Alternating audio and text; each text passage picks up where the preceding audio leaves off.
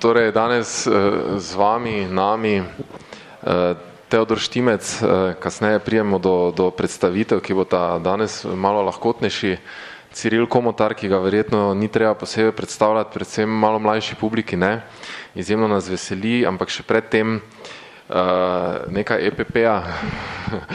Ne, skratka, da, da, da spomnimo, da na naš program Startup Maribor tovarno podjemov, na vse naše aktivnosti, ki jih ponujamo vam, podjetnikom, potencialnim podjetnikom, morebitnim podjetnikom, skratka, ki to še boste, ki to mogoče ste, kadarkoli se lahko na nas obrnete za, za kakršnekoli aktivnosti, ki jih potrebujete, Eh, bodi si za, za promocijo, za, če potrebujete samo prostore, pisarno, delovno okolje, mentoriranje, izobraževanje, kakršne koli treninge, eh, ne nazadnje tudi pomoč na poti do nepovratnih sredstev eh, za, za razno povezovanje s korporacijami. Tukaj smo za vas kadarkoli, kakorkoli tovarna podjemov, program Startup Maribor, tako da z veseljem na voljo. Eh, mi smo sicer tudi ekipa, ki eh, pripravlja podim konferenco, 39. podim konferenca letos, tako da eh, v maju 20. 21. 22. maja bomo spet pretresli Maribor s podjetniškim druženjem, inoviranjem, mreženjem, tako da ste tudi tam dobrodošli, več kot 60 govorcev z celega sveta pričakujemo letos, to bo noro v bistvu dogodek, še boljši kot kadarkoli prej, tako da mi smo že navdušeni, priprave so že od začetka januarja v polnem teku in v bistvu vas veseljem pričakujemo tudi tam. Ampak danes pa seveda uh, naš večer, naš startup musli, izjemno zanimivo druženje, podjetniške zgodbe, ki jih pripravljamo, uh, kot to veste, že nekaj, nekaj let. In tako kot sem napovedal, dva izjemno zanimiva gosta družijo Eh, kreiranje vsebine skozi blog, skozi vlog, tudi pri Teodorju v bistvu na nek način skozi vlog. Uh, še ena skupna točka je uh, influencerstvo, pri nekom bolj, pri nekom manj, kakorkoli, v kakšnikoli obliki. Ne na zadnje bomo pa govorili seveda tudi o tem, kako z vlogom oziroma blogom povečati prodajo. To bodo mm, na sveti, uh, verjamem, da veliko zanimive vsebine, ampak za začetek bomo se ogreli z malo lahkotnejšo vsebino. Ciril, tebe bom prvega nagovoril, ker ti si le mogoče v zadnji dve let, dve pa pol leti že v bistvu svoje vrstna atrakcija. Zdaj pa, da se boš malo drugače predstavil, če bi bil avto, me, me sva zanima, kak avto bi bil, kateri, kak, eh, kak pogon bi imel, koliko kilovatov bi imel, ne na zadnje tudi za kak teren bi bil primeren. Dobra, stari. Um, če bi bil avto, bi bil, veš, jaz sem, uh, ne glede na to, se ukvarjam z zelo sodobnim uh, načinom sporočanja informacij, sem na en način zelo old school, uh, pa ker tudi pripravljam uh, projekt z bratoma, atmosfercema, uh, bi bil en avto z velikim atmosferskim motorjem, rad se vrtim v rdeče vrtlaje, pa najraje imam športne avtomobile, čeprav zdaj z leti vidim, da nekako nekak mi ni več tako nizko zasedati. Uh, ampak recimo, da bi bil uh, Corveta prva generacija z enim big block uh, V8 motorjem. To to. Cena, to je res old school. Ja, ja. Mislim, to je, ne. Bolj ne gre. Od, od tam je šlo pa vse na vzdolj. Ja, za ljubitelje res je. Ja. Teodor. Tudi, kjer je avto bi bil? Ne, ne, ne, ne, ne, ne bo tak, ne tak na prvo žogo, ne. ampak se veš, bo pa v bistvu bo pa bolj v tvojem svetu, kak daljno gled bi bil, kakšne specifike bi imel, kak, ja. kako širino kota bi imel. um, mislim, z avtom je lažje, ne, vsekako. Ja, Jaz sem že na začetku čakal, da bo pa je druži to, pa je druži ono, da bo prišel en dva petroheda, ne. Ampak ok. Uh, pri daljno gledu mislim, da bi bil najraje mm, tisti daljno gled, ko ima njegov lastnik uh, čustven odnos do njega, ne.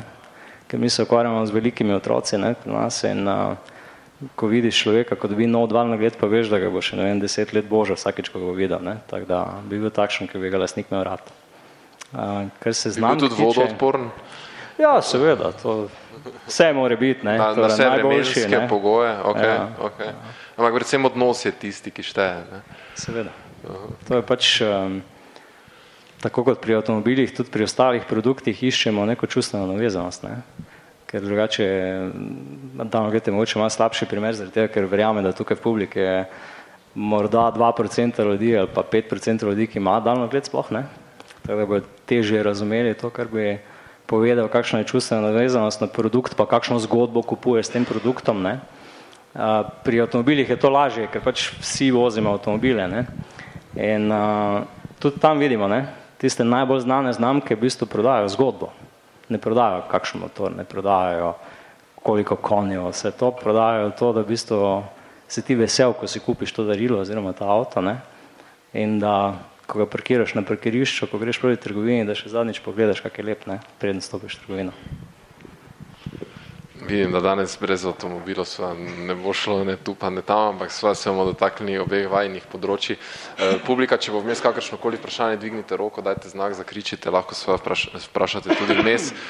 Uh, Ciril, nekje moramo začeti, ne, pa zdaj, ker smo že toliko avtih se ogreli, v bistvu, uh, tvoj začetek je bil dokaj spontan, ne, svoj vrsten samo, samo žig. Um, a veš kako, uh, moj začetek se je zgodil, hočeš nočeš, tudi iz, zaradi ene vrste, um, bom rekel, če rečem zatiranje, zelo strogo. Ampak pri nas na Siolu se je takrat, več kot deset let sem delal v okviru Siologa avtomoto portala, se je nenadoma uh, zmanjšal budžet za ustvarjanje video vsebin. Jaz sem pa video vsebine vedno ustvarjal. Nisem bil vedno samo pred kamero, čeprav sem to počel deset let. Uh, jaz sem sestavljal scenarije, uh, imel sem čez režijo, uh, bil sem stotine ur v montaži in tako naprej. Poleg tega, da sem vedno avtomobile tudi fotografiral, o njih pisal in tako naprej. In uh, pol je meni začel manjkati nekega video ustvarjanja. Poleg tega v ta življenjski stil um, veliko je enih poti v tujino, veliko je zanimivih avtomobilov, veliko je ene akcije, tako ali pa drugače. In so ljudje okrog mene vedno govorili, kje si bil, kakšen avto si vozil, kaj se je dogajalo, v kakšnem hotelu si bil, kaj pa jutr. In potem so tisti, ki so mi najbližje, uh, moja Tina, pa moji prijatelji, so rekli, pa da kdaj naredi kakšen video iz tega. In pa en dan se jaz res pelem proti Ljubljani, to je bilo na dan, ko sem začel z vlogom, to je bilo 16. juni, mislim, da 2016, sem gledal svoj telefon, pa sem rekel, stari, pa se ti vse, kar res rabim, ker so takrat telefoni, pa že dosti pred tem, bili dovolj zmogljivi, da ponudijo lahko uh, svojimi zmogljivosti neko ok zgodbo. Um, in sem začel snemati. Um, in sploh nisem, seveda, jaz nisem načrtoval nič od tega. Jaz sem dejansko želel imeti minuto na dan, nič več, ampak sam tako sekunda, ena avto, druga, pa, pa druga sekunda, nekaj drugega, pa tretjega. In bolj bi jaz to zložil, dal na net in mi je bilo vse.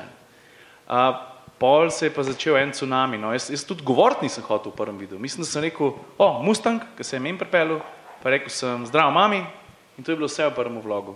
Pol pa več sem govoril, ker sem pač, jaz si res nisem mislil, da bi kdo sploh hotel slišati, kaj vam je zapovedati, ker sem tako zelo, bom rekel, zajbanski, a ne, to je pa avtomobilski, žurnal, avtomobilski poklic je pa, mislim, eh, novinarstvo je pa doskrat percipirano kot skrajno resna zadeva, to so eni novinari tam nekje, ki pišejo o avtomobilih.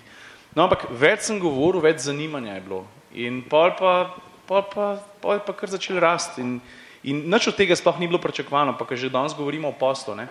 Jaz sem delal pol, pol leta vlog, to se pravi, blizu 200 delov sem naredil, um, brez da bi zaslužil en evro.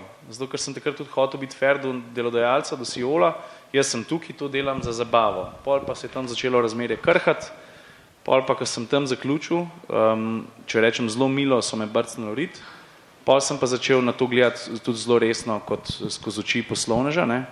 Um, in se je začel, pa se še ni ustavil. Kaže, se še nekaj časa ne bo. Um, ampak, če, če te danes sprašamo, zakaj vlogaš? Uh, v prvi vrsti zato, ker v tem uživam. Uh, uživam v tem, da ustvarjam vsebino. Pa če sem vsebino tudi prej že ustvarjal, a sem doma sestavil kakšen kolaž slik, ki mi je bil všeč, pa sem ga imel za zasebno arhiv, ali pa sem bil s familijo nekje za vikend, pa sem sestavil nek kratek video zase in sem ga vedno kazal samo bližnjim. Jaz delam vlog zato, ker v tem uživam in skozi to uživanje, ampak res mislim entuzijastično, sej ne moreš biti nič drugega, kot bolan entuzijast, če začne vlog, začneš vlog delati, pa narediš, delaš vlog 192 dni zapored, brez predaha. Poleg službe, seveda zraven. Zdaj pa, zdaj pa bi jaz mogoče enemu dal izziv, dajte delati vlog pet dni zapored, sestavite video vsak dan. Ne? Jaz sem delal to 102 in, in zato to delam. Je pa zdaj to postal tudi zelo resen posel, in, in mi je, sem lahko sam hvaležen, da lahko uživam v poslu. No, Teodor, posel za tebe, za tvojo ekipo v tvojem podjetju, kar nekaj zaposlenih pravzaprav se ukvarja pri vas z ustvarjanjem blogov. Približno deset blogov kreirate, ustvarjate. Ste pa aktivni tudi na video področju. Vi vsak dan dva do tri video posnetke, vloge naložite na svoj zelo močen YouTube kanal, seveda v, v vašem segmentu. Kaj pa vas žene, recimo tebe in tvojo ekipo? Zdaj, to je v bistvu en korak naprej že. Um, v bistvu najprej so se vse moje dejavnosti začele z blogom, res video vsebin. In sicer to je bilo okoli leta 2008, 2009, tam nekje, ko sem se prvič sam kot kupec srečal za težavo, kako dejansko kupiti daljnogled. Ne? Zato, ker če greš kupovati telefon, če greš kupovati ne vem, laptop, avtomobil in tako dalje, je na spletu zelo veliko informacij ki jih lahko najdeš. Ne? In drugič, eh, pri vseh teh izdelkih je zelo veliko kategorij tehničnih, ki jih je, na podlagi katerih je te izdelke zelo lahko primerjati med sabo. Ne? Recimo pri telefonih imate, katere generacije je procesor, koliko jeder ima, potem imate benchmark teste in tako dalje. Pri optiki je pa v bistvu to zelo sivo področje. Ne? Pa je čisto ali gre za očala, ali gre za objektive pri fotoaparatih.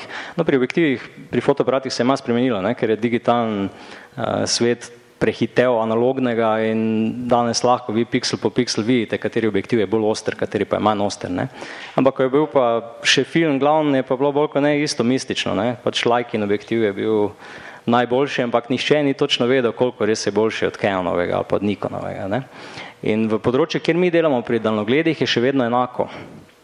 Dejansko je zelo težko kvantitativno oceniti, koliko je en daljnogled dober napram drugemu ali pa koliko je boljši. No in jaz sem se tam okoli leta 2009 začel resno ukvarjati zadevo, kako tistim, ki imajo iste težave pri nakupu, torej ki so v fazi iskanja informacij, delanje, mislim pač izdelave, raziskave pred nakupom, kako jim pomagati. In um, takrat sem jaz pač začel z blogom, ki sem ga želel konceptno ustvariti v isti maniri, kot je recimo GSM Arena za mobilne telefone ne? ali pa pač kaj podobnega. Potem kasneje seveda je bil en tobogan dogodek v življenju in tako dalje, tako sem jaz potem prišel tam nekje okoli leta 2012-2013 do tega, da pač iz tega naredil posel. Ne? In če gremo fast forward ne, do tega, kje smo danes, Mi še danes v bistvu vse sebine, ki jih ustvarjamo, ustvarjamo z namenom pomagati strankam k lažji izbiri. In recimo naši videi so precej drugačni, kot so videi od večine influencerov ali kaj podobnega, ker so pač videi všečni množici ljudi, ne? torej v bistvu mass marketing. Ne? Mi gremo ravno v drugo smer, ne? mi najprej v bistvu segmentiramo zelo oske skupine kupcev, pa pogledamo, kje so njihovi problemi in potem postavimo pač, bom rekel, videe, ki te probleme rešujejo oziroma dajo neke odgovore na ta vprašanja. In to so zelo specifična vprašanja, zato nišče ne gleda naših videov, ker mu je pač, ne vem, po zimi dolg čas, pa se želi pač malo nasmejati. Ne. Mi pri, bom rekel, vsaj 50 odstotkih vseh sebin, ki jih ustvarjamo, lovimo kupce v zadnjem delu njihovega, bom rekel, popotovanja nakupnega, ne, v zadnjem delu tunela, torej takrat, ko že res delajo najbolj poglobljene raziskave o produktih, ko se še odločajo mogoče med tremi ali pa celo samo med dvema produktoma in iščejo neke specifične odgovore na specifično vprašanje. In to je tisto, kar mi ustvarjamo. Ne. Mi, bom rekel, video vsebin je težko reči, ampak verjetno tam nekaj eden do dva videa na dan, a, z pač specifično vprašanje, zelo specifičen odgovor, odgovor, zelo ozek krok ljudi. A, razlog je seveda zato, ker pač mi smo tako velika ekipa, da moramo našo dejavnost monetizirati, zato da pač nahranimo vsa lačna usta. Ne? In zato pač bom rekel, je vsaj polovica vseh videov tistih, ki so zelo ciljno usmerjeni. Ne? Niso, bom rekel, splošni. Recimo to, da vi ustvarjate deset blogov, ne, različnih, kaj, kaj je torej razlog, kaj je vzrok in kaj je posledica, v bistvu zato, ker je potreba taka, ker si zdaj pač omenil tudi velikost ekipe, ki je ne, na zadnje treba nahraniti. Ne. Uh, to, to je, je to nujno recimo v segmentu, kjer ste vi, ko gre za informiranje, ko gre za, za, torej, torej za, za neke ključne pomagati ljudem pri odločitvah, je ta razpršenost nujna? To je zelo kompleksno vprašanje, ki bom rekel, terja zelo dolg odgovor, pa veliko razlag. Ne. Zdaj, zakaj mi imamo toliko različnih blogov? Ne? Prva točka je v tem, da določene vloge, pač bom rekel, javno izpostavljamo, da so naši določene, pa ne zato, da ne prihajamo v konflikte z proizvajalci, s katerimi sodelujemo vsakodnevno. Ne? Ker določeni naši blogi so dejansko primerjave med dvema izdelkoma, en proti drugemu. In v takšnih primerjavah en izdelek pač mora izpasti slabši. Ne? In tam je prvič naša kredibilnost bi bila mogoče malo nadaro, če bi bilo iz prve točke vidno, da smo mi v osnovi trgovina. Ne? In drugič, um, mi pač delamo v zelo konzervativni, klasični, bom rekel, staromodni uh, niši industrije, kjer bi mnogi proizvajalci imeli težavo to sprejeti. To je en razlog. Drugi razlog je, mi se ogromno ukvarjamo pač z optimizacijo za spletne skalnike oziroma SEO-tom in mnogi od teh naših blogov ne, so pač tudi geografsko pozicionirani, ne vem, Novo Zelandijo, Avstralijo, uh, na Japonsko, v Ameriko in tako dalje. S tem mi, na pod, bom rekel, na področju optimizacije za iskalnike dosežemo določene efekte, ko jih drugače ne bi mogli. Tretja stvar, kar je, je segmentacija naših kupcev. Mi imamo kupce, recimo, bom rekel čist direktno, imamo opazovalce ptic, pa imamo lovce. To so dve skupini kupcev, ki drug druge ne prenesejo. Oziroma so zelo sovražno nastrojeni drug proti drugemu. Oboji kupujejo dvoglede. Ne? In če želiš ti narediti za njih pač blok, je zelo težko kombinirati dve tak različni skupini uporabnikov na enem blogu. Ne. Potem, če grem naprej, eno od razlogov je, da pač določene bloge delamo v angliščini, imamo pa vsaj dva bloga, zdaj pa rekel, ki postajata zmerno večja, ki sta pa v osnovi namenjena področju Balkana oziroma bivše Jugoslavije. Tam seveda po angliščini odpade, ne. tam pa imamo mi vse prispevke v srbščini, hrvaščini, makedonščini in slovenščini. Ne. In uh, mi dosti krat tudi, bom rekel, te vsebine delimo med temi blogi. Ne? Torej mi, ko napišemo na, ne vem, na novozelandski blog o, o, o najboljših dvogledih iz nekega cenovnega ranga, ne? potem ta članek iz angleščine pač prevedemo makedonščino, srbščino, hrvaščino in tako dalje in ga objavimo tudi pač na, na blogu, ki je mišljen za bivšo Jugoslavijo. Tako da razlogov, zakaj imamo mi tako veliko mrežo, blogov in tako dalje, je zelo veliko. To je v bistvu ena tema, ki bi jo lahko čisto posebej obdelali, ne? ker pač uh, splet je postal zapleten. Ko sem se začel ukvarjati s spletom, je bilo marsikaj mnogo bolj enostavno. Ne? Zdaj pa je malo manj enostavno, pa tudi mi, bom rekel, kot ekipa smo pač prerasli določene gabarite in imamo malo večje izzive pred sabo oziroma cilje. Super, hvala, zanimivo. Ampak, ker si ravno o informacijah govoril, ne, pač predvsem s tem se ukvarjate, to podajate. Ciril, ti si kot novinar seveda ima tudi to vlogo, recimo dolgo na Siolu, pa predtem krajši čas še kje druge. Ampak to pa je zdaj preskok, ne, zdaj pa si ti predvsem všečen, zabavn, gledljiv, se zdi, da je pa zdaj podajanje informacij v drugem planu. V bistvu, kak si ti to predelal, uh, sprejel, si poskušal na začetku drugače? Uh, ne, jaz sem, veš, uh, tako kot si ti rekel, ne, da je treba zelo dobro razmisliti, kako se boš plasiral, na kakšen način, uh, kakšen bo tvoj brand, kaj boš počel, pa na kakšen način. Jaz sem mogel sam pri sebi zelo dobro razdelati, potem po parih vlogih, ko sem začel več govoriti, kdo sem jaz. Ne. Za začetek je treba povedati, jaz tudi približno ne bi mogel vloga ustvarjati tako uspešno, če ne bi predtem bil skoraj desetletje pa pol, uh, bom rekel, resni avtomobilski novinar, ki bi se ukvarjal z, uh, z pisanjem člankov, če ne bi 10-15 let predtem razmišljal o vsebini. In to je ena taka zelo dobra šola. Razmišljal sem mogel pa ne samo o pisani besedi, o fotografijah, v videu. In to mi je nekako dal znanje, pa samo zavest, da sem lahko konc koncev pred kamero Čakaj malo. Smo del? Kdo je pil, polil gor pa vmešal plati?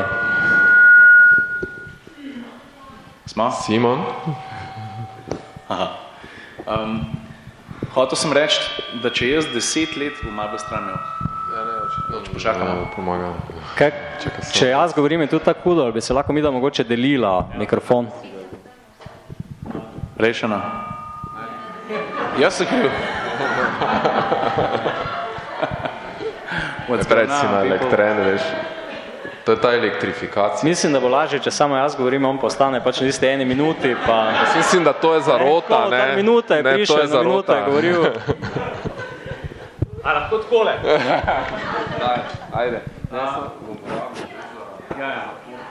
Dela? Dela? Ja. Ena, dva, test. Okay.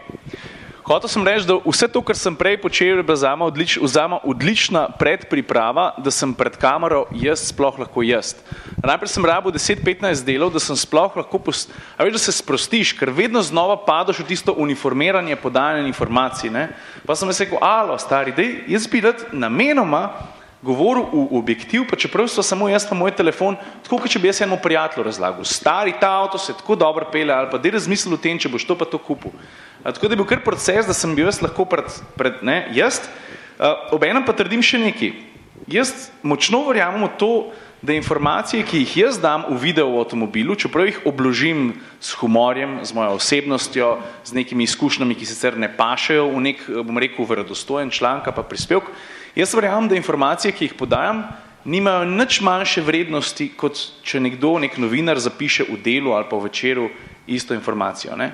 Jaz jo podam na, bom rekel, zaba, ali pa lahkotnejši način in verjamem, da je vredna isto. Ne? Če se jaz s to informacijo dotaknem ljudi, pa čeprav je zdravo nekih humorja, pa tako naprej. Ne? Sej, informacija v nekem resnem časniku je pa pospremljena mogoče z neko drugo resno informacijo. Ne? Jaz, pa, jaz jih dam v sandvič pa z drugimi stvarmi.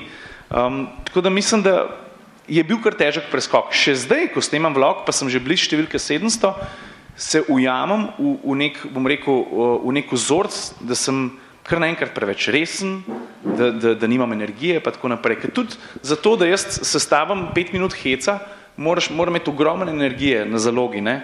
ker ne moreš ti bleferati 700 vlogov, pa, pa nek, a veš, jaz se moram dobro naspati, moram biti, a ja še to. Ljudje doskrat mislijo, da jaz se usedem v avto, Sam, da se nekam odpeljem, pa pa kar začnem govoriti. Vsak vlog, ki ga naredim, je orang priprava zadaj. Impro liga je full mal. In, pa veš kaj je impro liga? Impro liga je tisto, kar je mojega značaja, kar se jaz zraven spomnim, kakšno anekdoto, ali pa slučajno kaj pride na pamet, kakšen joke, to je impro liga. Vse, kar jaz povem v avtu, sem se prej pripravil. Niti en vlog še ni nastal, ali pa dobro, mogoče te kakšen avto ponese, ker res emocije pridejo na plan pa sem odpeljal tri kroge na dirkališču, pa se pol od znotraj neki ven prije, pa, pa tisto ni planirano. Vse ostalo pa alo stari. Danes imam Fiat 500, Abarta, v redu je, kaj ta avto je, odkot prihaja, kdo ga je naredil, kakšen je njegov namen. Se prej dol sedem, naredim orank research, se izobrazim, mislim, hecno, kako jaz nisem maro šole, ker sem bil otrok, zdaj imam pa sem v poklicu, kjer se moram skozi učiti um, se izobrazim, si, si napišem ali ne, si vse tisto sladko, kislo karkoli, o čemer koli govorim, si pripravim. Besedila si ne napišem, se pa preučim. Tako da imam potem vedno beležko ali pa na listu papirja vodilo, povej to in to. Vse je, to je, to je priprav to, mislim, veš, hecen je, ker ljudje, ki včasih so zraven, ker snemam vlog, ne, pa kar mislijo, da bom pa zdaj jaz kar govoril, pa govoril, pa govoril, pa se pa jaz ustavim, pa rečem, čak mal, a sem jaz zdaj to ok povedal, pa preverim, pa je, so, pa je čisti šok. Ne. Tako da ja, trdo delo, da nastane pet minut za ebancije, jaz uporabljam vse svoje znanje, ki ga imam. Res, ker pač jaz pri rezanju videa, jaz, padem, pa, jaz, sem, jaz sem perfekcionist v tem smislu, da pazim na vsako desetinko. Ker če flow ni dober, je vsebina, vsebina je lahko dobra, pa če flow ni dober, imaš ti po 30 sekundah dost. Ljudi je ful težko zadržati na netu. To je prvi, če to swipe down, swipe right generacija, vsi smo taki, če te ne zanima, pičiš dalje. In zadržati pozornost nekoga na netu za več kot 30 sekund je umetnost. Ali je to pri članku, pri blogu, pri vlogu. In zato je recimo flow ena izmed stvari, na katero jaz pazim. Moj vlog ima poprečju od ne vem, 60 do 180 različnih kadrov. In čist vsak mora biti odrezan desetinko natančno, zato da teb, ki gledaš vlog, sedem minut mine, da kaj konc svoga rečeš, o, oh, stari, tole pa hitro min, pa sedem minut sem gledal. To je v bistvu najtežje dosežiti. Um, zato pa tudi pri videih ne pazim, ne? pač, če je video dobro po dveh minutah pa pol, tac ga vam dam. Je pa res, da doskrat, um, bom hitro zaključil, jaz doskrat sestavim vlog in ko imam prvo verzijo, ki gledam pred sabo, je dolga, ne vem, devet minut pa pol. Pa rečem, not good enough in grem rezati. To je tako kot pri fotografiji, ki moraš delati izbor in grem rezati in da rečem, a je to res pomembno, da vi zveste, ali je to nekaj, ki sem tako. In pa režem, režem, režem, dokler pridem na sedem minut. Zdaj dve minute stran odrezati, pa da ohraniš bistvo ene video osebine, ali pa konc konc pisane osebine, je pa kar težko. Tako da ja, Se, sem približno odgovoril? Si, absolutno si odgovoril tako na ene dve dodatni vprašanji, ki sem jih imel že zdaj za naprej pripravljeno. Tem tudi, kaj je najbolj pomembno. Ja. Recimo, ampak gled, ti si gledljiv, ne, pa ti si zabaven, pa daš tudi recimo neke hudomušne naslove svojim. Koliko so naslovi recimo pomembni, ali pa koliko to, kar se vidi, no, ne samo to pač je, flow. Naslov je ključen, sploh zato, ker sem delal za spletni medij toliko časa. Ne, naslov je, jaz bom rekel, naslov je polovica. Ker ta prva stvar, ki moraš ti narediti, človeka pretegniti, da sploh klikne. Alo, to je delo. Nihče, nikjer ne piše, da bo človek, ki se mu bo odprl zaslon z neko spletno stran, kliknil na tvoj članek. Čakaj, ampak, sorry, ti imaš zdaj več kot 28 tisoč naročnikov. Recimo. Ja, ja. A ni to nekako zdaj samo po sebi, tudi če ne vem, blefiraš, pa ni naslovo, recimo, da bodo ljudje pokonzumirali tvojo vsebino. A ne, ja, ni to samoumevno. Mogo, ne, ni šan. Mogoče imam zdaj toliko kredita, da bojo ljudje še nekaj časa gledali, ampak v trenutku, ko bom jaz začel delati slabo vsebino, ljudje rečejo, čau, ragazzi, tukaj ni full čustev. Ne, veš, jaz verjamem, jaz, jaz vem, da sem zdaj v tem trenutku priljubljen, pa da ljudje radi gledajo, pa da mi je včasih celo bolj kot dejansko osebina pomembno, da mogoče vidijo, kaj jaz počnem, pa kaj moj pes počne, pa kaj Tina, pa ta mala počne, pa tako naprej. Ne? Ampak jaz res verjamem v to, da moraš biti skos on the top of your game. In naslov je ful pomemben. Sej, ja, veš, sej pri člankih je isto. Ti moraš naslov, z naslovom pretegniti, konc koncev imaš ful takih bralcev, ki pridejo pogledati naslov, ko kliknejo članek, preberejo vod, pogledajo sliko, pičejo dalje ti moraš tudi pri članku v uvodu povedati že celo bistvo tistega članka, ne? potem pa nekako zadržati pozornost. Pri vlogu je pa tudi tako, ne? dosti podobno. Tako da to je hard work. Jaz včasih, da, včasih samo gledam, kakšna fraza se je zgodila v vlogu, pa kar to uporabim za naslov. Drugače pa moraš dosti vsest, pa imeti top 3 naslove, top 2 naslove, pa spet top 3 naslove, pa gledati. Pa, se, a ni tako, no?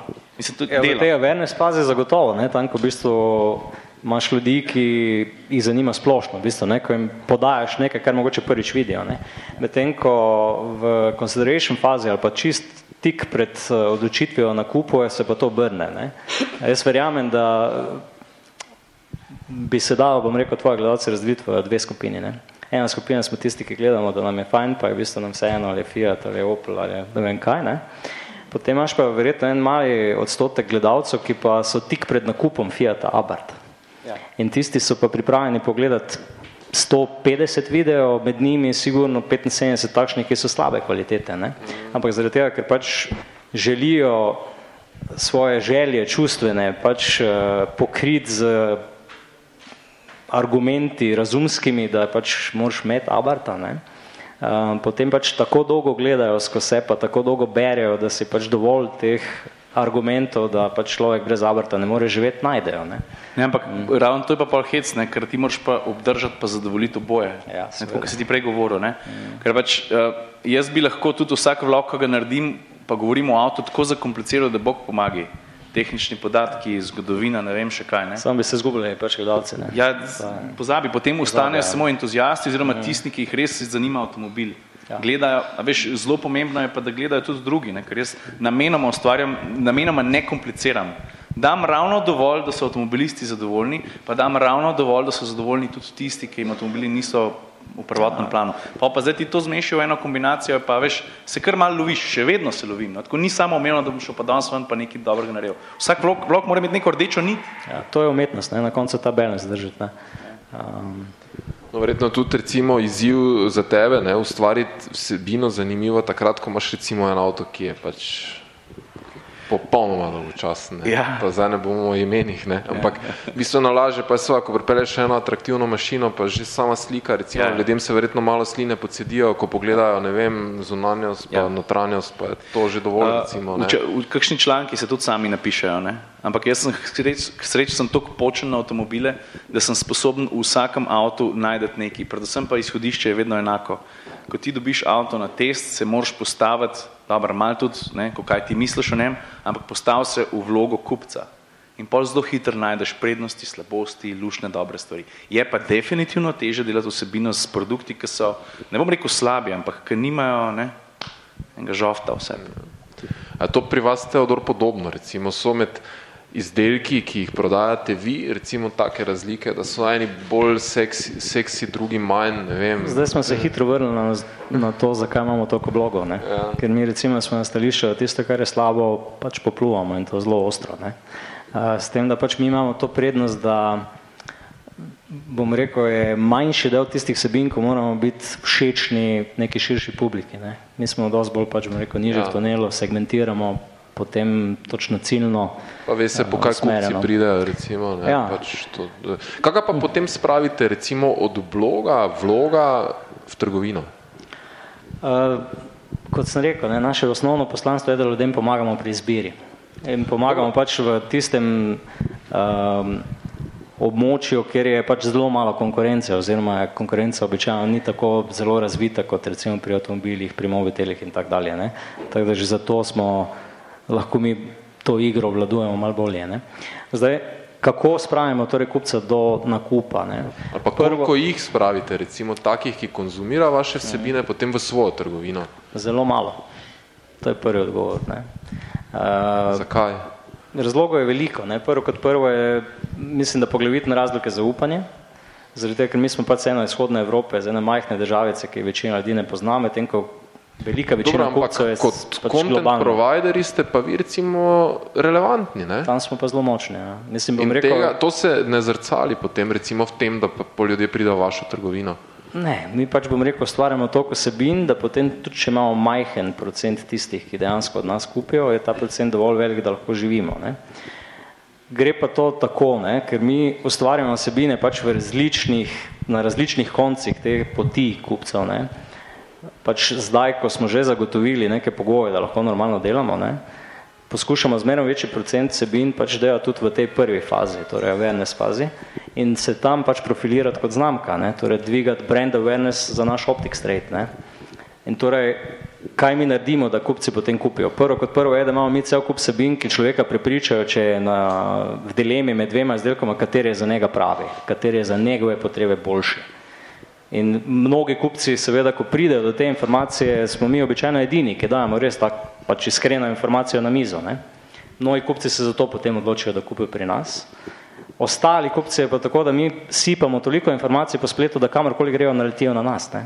Če oni iščejo nekaj zvezi s tem produktom, pač ko grejo na Flickr, vidijo naše galerije, mislim, da imamo na svetu največje galerije z našega področja na Flickrju, potem YouTube kanal tudi mislim, da smo med top nekaj v našem področju. Ne? In v bistvu kjerkoli poskušajo na spletu iti od desetih mest, bojo na šestih mestih naleteli na naš brand. Ne? In s tem se pač dviga brand awareness in s tem se dviga zaupanje. Ne? Uh, potem pa še pride samo tisto, ne? nekdo, ki je pač iz Amerike, mu je mogoče zaradi tega, ker smo mi evropsko podjetje, to težava pa bi drugače kupil. Ne? Uh, pa, pa pač pride tiste pač izzivi, ki jih bomo pač v prihodnosti se z njimi še bolj uh, soočali, pa poskušali še tiste vladati. Ne? Hvala. Publika, kako vprašanje na tej točki? Um, Ciril, ti si kot novinar, ne, seveda eh, je to bilo v nekem tvojem prejšnjem življenju strogo ločeno, komercijala, sebina, uh, ampak tu pa zdaj več to ni možno, recimo, ne. Ti, jaz vem, da si ti imel pač veliko pomislekov na začetku, ne, seveda si, ko si ti postal uh, viden, mogoče tudi vplivno ali pa še predtem so se hitro pojavile neke možnosti, kako bi se določeno vsebino skozi tvoje kanale lahko na nek način tudi prodajalo. Ne? Na, na tak ali drugačen način, content marketing je pač seveda eh, danes eh, močna, močno področje. Kak ti to handlaš, recimo, ali pa do, do katere mere si popustil, kaj ne, ne, na zadnje vemo, da si Eh, Continentalo ambasador, da si Huawei ambasador, da še kako zgodba, zgodba, v kateri se pojavljaš. Kak danes to recimo menedžiraš? Najlažje bi bilo reči, komu tar se je prodal. Ne? Uh, jaz pa to vidim čist drugač. Uh, za začetek, najprej mi je bilo strah, kaj bo s to mojo, bom rekel, kvazi zapuščino. Ne? Ampak pač nihče mi ne more vzeti, da sem toliko pa toliko let bil resen novinar in, in pač kar se zame tiče, tista zgodba na en način zaključena, ne rečem, da jo ne bom spet kdaj odprl, zato ker sem popolnoma sposoben uh, jasno ločiti neko zabavno osebino od strogo novinarske, ker konc koncev, ko se jaz od avtomobila lotevam, je to stvar navade, se ga vedno v glavi še vedno loto malo stari ta avto, ne, kakšen je zdaj, kakšne so res njegove prednosti, slabosti. Ne. Uh, je pa res, da um, sem pa pol vprašal to na zabavno osebino ne, in jaz to osebino Eh, tudi tržem, eh, oziroma svoj vlog eh, tržem in delam veliko product placementov. Mamo pa, je pa zdaj tako, v nasprotju z, z splošnim prepričanjem, ker kdaj govorim z ljudmi, ki delajo, gledajo ali pa mi to ponujajo posel, jaz lahko tako rečem, vsaj 80 odstotkov mojih vlogov je popolnoma neplačanih. Če pa se dogovorim recimo za posel za avtomobilsko znamko, so pa pravila totalno jasna. Prvič, če daš ti en avto na test ali če me povabiš v tujino, je to vedno, mislim, ta stvar nikoli ni plačana in je vedno neodvisna. Jaz še vedno lahko rečem, kar želim. Kar Če, poveš, je kar povem, ne. povem. In to se oni tudi zavedajo. To se pravi, testi, sladko kisle, prva vožnja iz tujine, to je popolnoma neodvisno in to tudi nikoli ni plačano. Če si pa ti, ponovadi ta primer povem, ki je mogoče najbolj, rekel, tak zelo jasen, če si pa ti recimo Ford, pa ti v enem trenutku želiš pojačati prodajo uh, svojega SUV-ja Kuga, ali pa mogoče bi rad pušnil samo svoj štirkolesen pogon, pa rečeš, Ciril, a bi lahko nekaj na to temo naredili. Pol pa jaz nam zelo jasno določene meje, dokam dovolim enemu proizvajalcu, recimo avtomobilskemu, ne se delam druge stvari, čeprav narej znotraj foha ostajam, ki ga obvladam. Um, torej, najprej mora avtomobilist meni zaupati, da bom naredil dobro vsebino, se se prej malo mogoče uskladimo, potem pa postavim jasno mejo, torej povejte mi, kaj bi radi pušali, štirkolesen pogon, v redu, zaupajte mi, da bom jaz naredil eno dobro zgodbo z tega. Zato, ker meni je najbolj pomembno, da kljub temu, da se zgodi product placement, da jaz ljudi ne prenesem na okrog. Jaz bom zgradil dobro vsebino in bom štirkolesen pogon prepelil v, v, bom rekel, na zaslone in bom prepelil oglede skozi zgodbo. Konkreten primer, to je bo en prvih product placementov, pa je še zmeri zelo dober za razlago. Uh, Ford je rekel štirkolesen pogon, sem rekel, v redu, stop, to toliko stane, dajmo se zmeniti, kaj vi želite imeti noter, zdaj pa meni prepuste. In ne dovolim vmešavanja vsebino. Poklical sem prijatelja, ki je snowboarder, valjda sem ga priklopil za kugo in sem ga vlekel po snegu. In sem znotraj te vsebine, ki je ljudem ful zabavna, povedal tudi, da je štirkolesen pogon lahko koristen za to te une druge stvari, ampak sem to zapakiral v zgodbo. Ko se pravi, takšni so moji product placementi. Ne? Še vedno jaz si pridržujem absolutno pravice. Če se pa ne strinjam s tem, kar mi avtomobilisti povejo ali pa sugerirajo, in to se tudi zgodi, gladko zavrnem. Ker ker gledalci oziroma uh, sledilci so glavni. Jaz bi rad naredil tako, da sem jaz zadovoljen s svojo vsebino, da ste vi dobili neko koristno informacijo v zvezi s štirikolesnim pogonom, pa da je tudi, bom rekel, investitor zadovoljen. No. Ni pa teh product placementov tako, da bi bilo kar vse razprodan. Zelo dobro pazim, jaz tako bom rekel, slovin kot drag ustvarjalcev vsebin, ampak tukaj odpadajo neresni, um, pa, pa pridejo noter tisti, ki razumejo, kaj je to ulaganje v dobro vsebino. Zato sem ambasador štirih znamk, ponud imam pa 30 ali pa 40 in rečem super, ne hvala.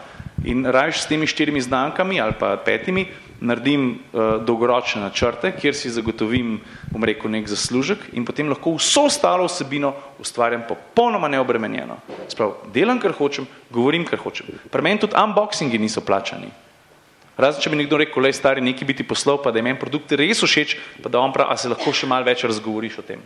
Ostalo pa to, kar znam, ker jaz imam unboxinge, ki stvari eh, razpakiram pred kamero, to je, le. ampak ravno zato je pa to fajn, da sem jaz s štirimi, petimi podjetji na orang povezan, da imam tukaj svobodo, eno stvar odprem ali pa ne odprem, vse vse odprem, pa povem, kar hočem, pa tudi, če samo tri sekunde o tem govorim. Ne. Tako, resni partneri, resni posli, ampak dobra vsebina. No. Kuk? Ja, kar, Um, ne. Res ne. Mislim, se jaz prej povem, kaj približno bom naredil. Se je pa recimo zgodil en popravek, ki mi ni bil ljub, ampak sem ga pač seveda naredil, ker sem spoštoval naročnikovo željo. Namreč uh, Citroen je želel, uh, je želel promovirati tale svoj avto, kaj je C3 Air Cross in pač kako je avto udoben, to uno tretje. In uh, sem to zapeljal v vlog, ker sem šel, ker pač vedno zapeljem tudi product placement v dejansko zgodbo. Ja, še, samo še to, pred odgovorim na vprašanje. Če se grem product placement, res pazim na to, da gre produkt ali pa to, kar delam, usporedno z mojim življenjskim stilom. Jaz ne bom naredil product placementa za rumba sesalc. Razumeš? In jaz 80 pa 90 poslov. Raje se saš sam, torej ja, ro, roboto ne priznam. Bizi mama je zato bizi. Ja. 80-90 odstotkov uh, ponudb za posel zavrnem. Um, no in potem uh, se je zgodil ta product placement, Citroen ima neko reklamo za full uglajeno podvozje, pa je bila tudi neka glasbena skrinica, takrat se je po televiziji vrtila.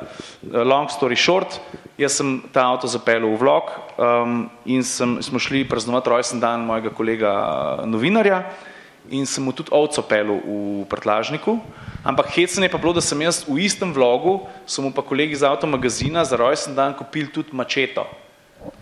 In zdaj Citroen se je full bal, da ker sem dal jaz najprej mačeto, pa sem šel pa še po ovco, da bomo mi to ovco zaklali. In so rekli, ne, ker bojo ljudem mislili, da, bo, da, ste, da je on zdaj ovco zato dobil, da bo zuno mačeto razkosil. In pa so želeli, ker je bil vlog objavljen, če je bil ful dobro sprejet, če lahko jaz del z mačeto, ki je bil, ne vem, 20 sekund odstranem iz vloga. In sem to naredil. Zato, ker so se bal, kaj se bo zgodilo. Ne. Ampak načeloma pa, načeloma pa nisem, nisem imel še zavrnenega, zavrnjene vsebine. No. Ja, seveda, mi se, mi se dogovorimo za izhodišča. Ne? Ne, ne, seveda, da ne. Ne. Ker, ker to je tudi, veš, zelo hitro pa to vpliva na osebino, jaz pa tega res nočem. Pa reče, če mlej, očitno se nismo namenjeni, ne. Pač vse nič hudega, no hard feelings, ne. Um, vsak naročnik pa seveda pove, le mi bi radi to pa to, pa pa jaz rečem, ok, jaz bi naredil to pa tako, pa bi rekel, pa, pa še so predlogi, sem pa kaj.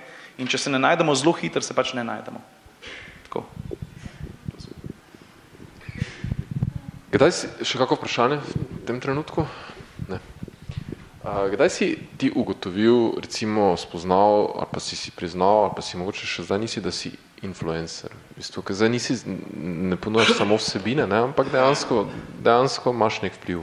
Um, uh, jaz sem to zelo hitro videl, zdaj pač jaz vem, da ima ta beseda zelo negativen prizvok, meni je za to besedo čisto vsejen. Pač dejstvo je, da se zavedam, da vplivam, zato ker vem, da prodam neverjetno število avtomobilov, tudi, mislim, tudi z neplačanimi vlogi, ne. Uh, Um, jaz na dnevni bazi dobim poprašovanja za rabljene avtomobile, za nove avtomobile, pa ne samo, uh, jaz sem študent, pa imam 2500 evrov. Pač tukaj vem, da moj vlog proda stotine avtomobilov. Um, in takrat, ko, ko začneš to pač nekako procesirati, aha, danes sem prodal tri avtomobile, prodal, ne, sem svetoval za nakup, ne, uh, pol vidiš, da, da pač ima to vpliv, Uh, in, in jaz sem s tem čisto ok. Mislim, jaz ne tretiram te besede influencer slabo in če sem vplivneš na tak način, sem vesel. Zato, ker pač jaz, veš, konc koncev tukaj prodajam um, uh, zgodbo o tehniki, o tehnologiji, ki na konc dneva lahko reši tudi življenje. Ne? Če jaz lahko prodam en avto, ki je tako varnostno napreden, da bo nekoga rešil, pa se to je lepa zgodba, ne? se to ni naš tacga. Tako da sem z veseljem povem, da sem, ali pa z veseljem priznam, uh, da sem neke vrste vplivneš. Ne? Vse vem, da se hecno sliši, ampak v tem, na ta način je to super, no? po mojem mnenju. Ne vem. Ja, se nismo rekli, da je bilo negativno, ja. daleč od tega, ampak... Ja, s tem se srečujem ja. vse čas za to, kot, kot ne. Ja, veš, malo si občutljiv. Ja, ne, influenceri, ne, pa kaj so to zdaj za eni, ne. Verjamem pa, da je veliko ustvarjalcev vsebin, ki pač, veš, tako smatram, no, čim imaš ti nek krok ljudi, ki se spremlja, ki te spremlja, ni to fajn samo zaradi ne, bom rekel, pozornosti, imaš tudi neko odgovornost, ne. In zato probam tudi, ne vem, zato sem se recimo povezal z Avtomoto zveze Slovenije, da bom delal več družbeno odgovornih projektov, pa tako mm. naprej. Ne. Pač, in če lahko ta svoj vpliv na ta način ponucam, je to, se mi zdi to super. No, no kako pa recimo, ne vem, umestiš, eh, ne vem, en segment je, da recimo ob sebe posedeš znanega slovenca, znalo slovenko, recimo, ne vem, kaj pa, kaj je namen, recimo, take, take vsebine? Um, zgolj entertainment? Ali? Ja, jaz pač bi se, se vem, da se naivno sliši, jaz bi se rad sam fajn imel. Tudi recimo tukaj, ko so se Stino pelala z BMW-em, ne, so vsi rekli, koliko ti je BMW plačal, ne. Pač BMW je rekel, a bi se ti pelil v avto s Tino Maze, meni je bilo jasno, da bo to reklama za, za BMW, ne. Jaz sem rekel, ampak jaz pa ne bi rad spustil priložnosti, da se pelem s Tino Maze, ker je legenda. In sem rekel, ja, vala, da bi se šel z njo pelati in pa so na koncu kekca pela. Ne, in tudi, dost mi je bilo najbolj všeč, ker so ljudi, rekli, ljudi rekli, da je tako sproščene še niso videli. Um, tako da pač na meni je dobra vsebina, gledljiva. Meni ful pomeni to, da me folk pokliče, pa prav, ali pa mi piše in to na dnevni bazi. Um, hvala za vlog, zato ker jaz imam ali takšne, vsi imamo neke probleme v lifeu, ali je služba, ali je šola, ali je zdravje, ali je familija, ali je žena, ali se je ločil. Hvala, ker mi daš pet minut na dan, da se sprostim. In to je meni, jaz, to mene tako driva, ali pa recimo en fant se je po nesreču z motorjem, pa je si je zlomil hrbet in je razmišljal samomorom. In gre kocine po koncu, pa kar na jok mi gre. In razmišljal samomorom in je rekel, stari, ti sploh ne veš, kaj si, kaj si za me naredil. Jaz sem bil v bolnici in sem razmišljal, kako bom sam sebe ubil. In potem sem po nevem čudem na ključu, je najdel na Facebooku moj vlog in je 14 najtežjih dni svojega življenja, je, gledal, je pogledal 250 mojih vlogov in je rekel, ti si meni rešil življenje. Mene se to tako dotakne in mene to totalno driva, meni, meni to daje inspiracijo. In zato delam te stvari, ker vem, da se ljudi dotaknem, da jim dam en plus, saj jaz si tako mislim. Ne? In zato se potrudim, zato probam biti pozitiven, ker vem, mal je hec, pa maso avtomobili, mal pa vem, da tukaj zadnji stoji še ena večja stvar. In če jaz nekomu prenesem pet minut sprostitve na dan, je to za me največ vredno. Ne? In to je prvenstveno. Um, tako no. Divje, divje.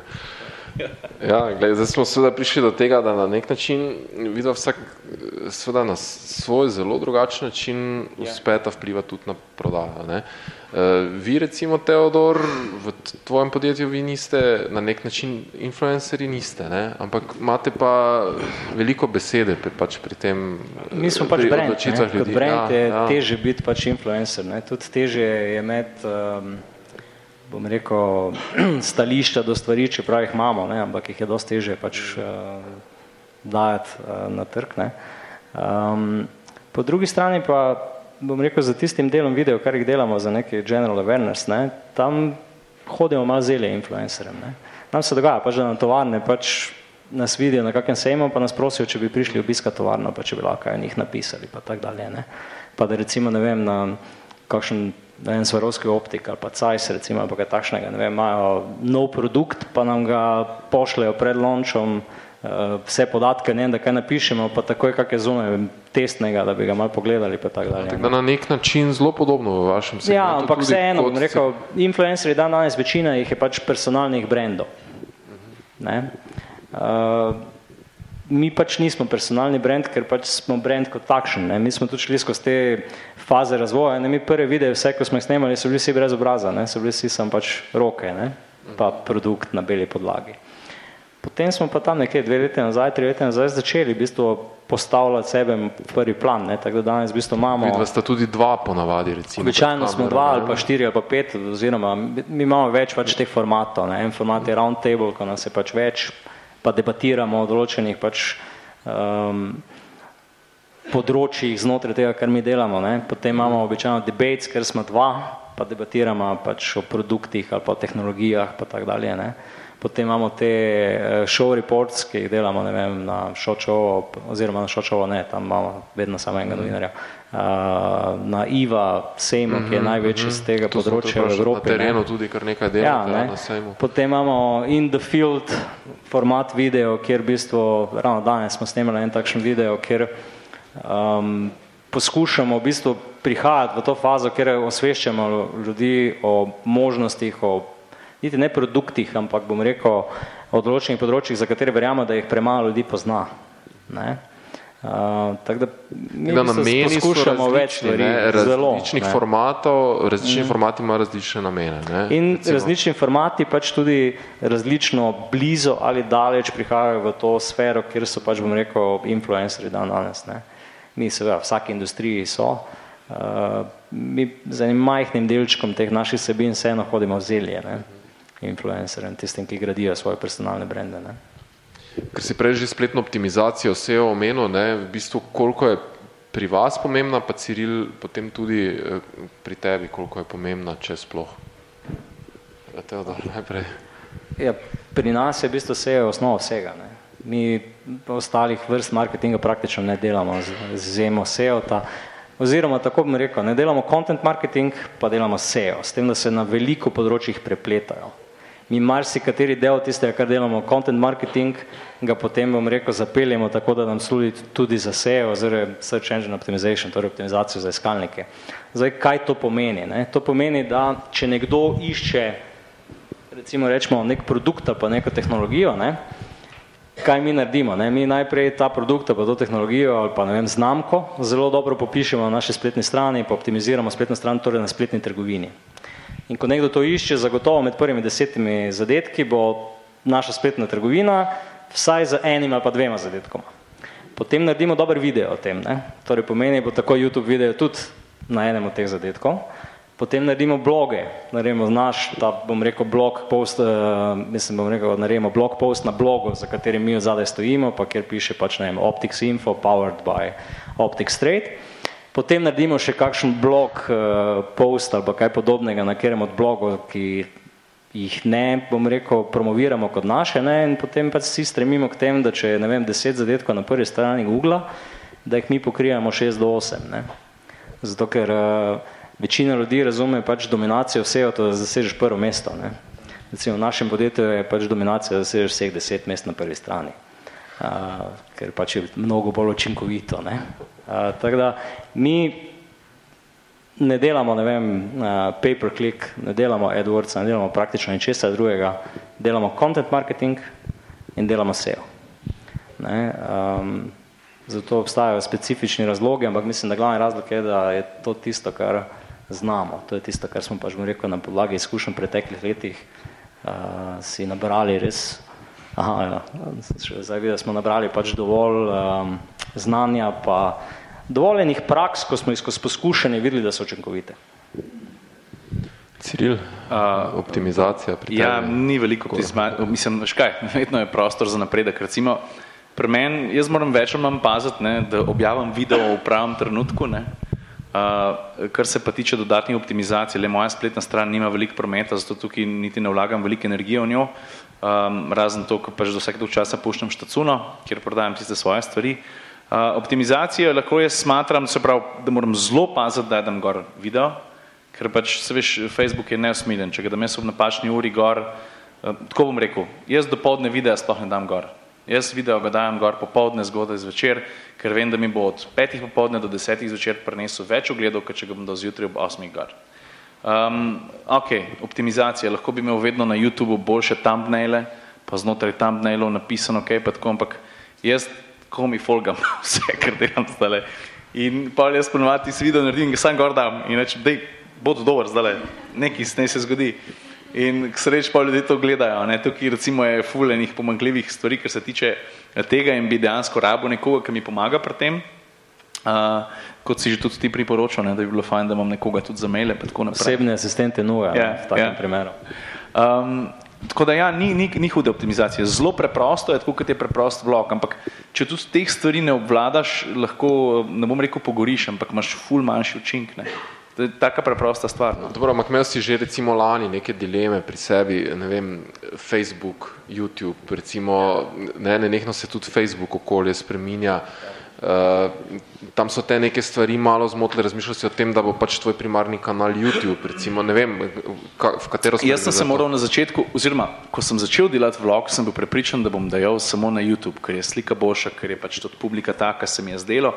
Ampak potem je nekdo rekel, in super, da je to rekel, le Facebook ima še vedno deleč največji rič, če se hočeš hitro razširiti. Ne. V idealnem svetu bi jaz jutr, ne bom rekel Facebook zaprl, ampak bi ga omejil na zakulisje, video pa je pa na YouTube gledati ampak tega si preprosto ne morem prvoščiti, ker je Facebook še vedno toliko zelo popularen, ali pa mogoče zdaj že se bo hecno slišal, da Facebook ima malo mogoče starejši, še ne, um, mlajši pa že bolj prehajajo na YouTube, pa konc koncev tudi na Instagrama, ne. Um, seveda me je pa vmes, mislim, me zmotil, ne, na mene ni nad zmotil, Eh, Facebook je vmes začel spreminjati algoritme ne? in kar naenkrat tvoji moji videi niso imeli več po 40 tisoč ogledov na video, ampak samo še 20 tisoč. Zdaj 20 tisoč pa 25 tisoč na vlog je za slovenske razmere še vedno zelo veliko. Ampak, veš, jaz sem začel tako gledati, ne? vsi so se zelo razhudili. Zakaj, zakaj moj vlog ne doseže več toliko pa toliko ogledov? Jaz pa tako gledam, Facebook meni za ston daje platformo, In ne vidim nič narobe o tem, če jaz vsake toliko časa kakšen vlog tudi monetiziram. Ne veš dolgo. Ja, vem je. Um, in, in tudi to naredim zelo, zelo redko. Pač mogoče enega od 15-20 vlogov pušnem za 5-10 evrov. Ostalo pa pustim, ker, ker nočem ustvariti nekega fake hypa, eh, to, ko dosežem organsko in tudi mene žene, da delam boljšo vsebino. Jaz vem, da Facebook zažlajfa fulene vsebine, da je za bremza, ampak vidim pa tudi, da če se ful potrudim pri vlogu, da je pa tudi več ogledov. In to tudi je eno vodilo za mene. Ne? Um, to, sprav optimizacija je tudi pri tem, da jaz delam boljšo vsebino in da tako ohranjam. Ne. Um, je pa Facebook, se sem rekel, v tem trenutku še vedno tako močen. No. Pa Instagram je zdaj zrasel, to je neverjetno, kaj se dogaja v zadnjih dveh letih. Jaz mislim, da prek Instagrama prodam več avtomobilov kot prek Facebooka. No. Pa me na Facebooku sledi kot 65 tisoč ljudi, na Instagramu pa 35 in je izjemno močno prodajno orodje postalo. No. Tako, vsak story, mogoče sam konkreten primer. Zadnjič smo bili z bratom atmosfercem, s kolegom novinarja, smo bili na eni predstavitvi, zelo čist po naključju smo se tam znašli na Kanarskih za enega Hyundaija in sem rekel, fantje, dajmo mi danes, dajmo mi danes pa jutr um, objavljati storije na temo tega pa tega avtomobila. In smo dva dni to delali, sprav storije vemo, ostane 24 gor, ur gor, in smo z našimi storiji v 48 urah zabeležili 720 tisoč ogledov. Sprav, koliko močen je ta medij, je, je to skoraj neverjetno. Pa, pa, veš, bom rekel tako, ljudje pravijo Instagram, pa so, so samo mulci, ne? Jaz na, na Instagramu sem prek Instagrama prodajal tudi avtomobile po 100-200 tisoč evrov vredne, tako res um, noro, kaj se dogaja zadnje čase. Ne? Tako da me ne moti to, da Facebook mal pada, pa tako ne. Bo pa YouTube močnejši, preveslej. Ja, ja, kar izvoli.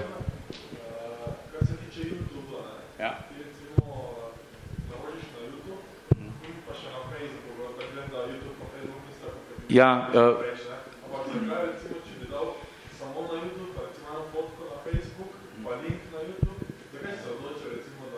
Zato, ker ni isto. Konc koncev se ti na Facebooku video že sam začne rolati, če greš dol po časovnici, ne? pa že tako zabeležim več ogledov. Ampak to je, to je, mogoče v praksi to v teoriji deluje, v praksi pa ne. ne. Bog ne dej, da bi jaz na Facebook dal link od YouTubea. Ne? Vse bi dobil nekaj ogledov, ampak Facebook in YouTube sta skregana. Ne, zato, zato usporedno nalagam vlog na obe platformi, ker se mi v tem trenutku še vedno to splača, ker število ogledov je tudi eden izmed stvari, ki prodaja. Ne. Čeprav je zelo ena stvar pomembna. Ne. Še vedno je, tako bom rekel, število ogledov ni čist najbolj glavno. Ne, eni pravijo, da tam pa toliko ogledov, ja, ampak kredibilnost medija ali pa vloga ali pa tako je pa na nuli ali pa bom rekel zelo nizka. Ne. Tako. Ampak meni se splača ja, na obe platformi še vedno dajati. Tu v bistvu je, je tako, da v bistvu vse, kar Facebook dela, dela v smeri, da ti ne greš na YouTube in da čim manj ljudi vidi, da si dal ti link na YouTube in tako dalje. Ne. Na drugi strani pa je res, ne, jaz mislim, da Instagram ima zagotovo prihodnost, ker pri Facebooku se bo začelo to, da pač bojo želeli pri Facebooku monetizirati, pač to, da je cel kup ljudi ustvarilo si svojo službo na Facebooku. Ne in svoje preživetje. Ne? In to je naj, najlepše, ne? ti pač omogočaš ljudem organsko, da pride na 100 tisoč, 200 tisoč, 500 tisoč ogleda, se nismo slovenci to faktor. Ne? Pač bom rekel, nekateri ameriški influenceri imajo nekaj milijonov ogledov. Ne? Potem pa organski rič zmanjšaš na minimum in je tak človek prisiljen to, da ti pač plačuje, da pač dobi nazaj svoj rič, ne? ker drugače pa zgubi svoje uh, pač, uh, znamke in tako dalje. Na Instagramu pa ta trend pač sledi verjetno ne dve do tri leta kasneje. Ne? Tako da jaz mislim, da zdaj v tem trenutku je zagotovo Instagram platforma prihodnosti. Ne?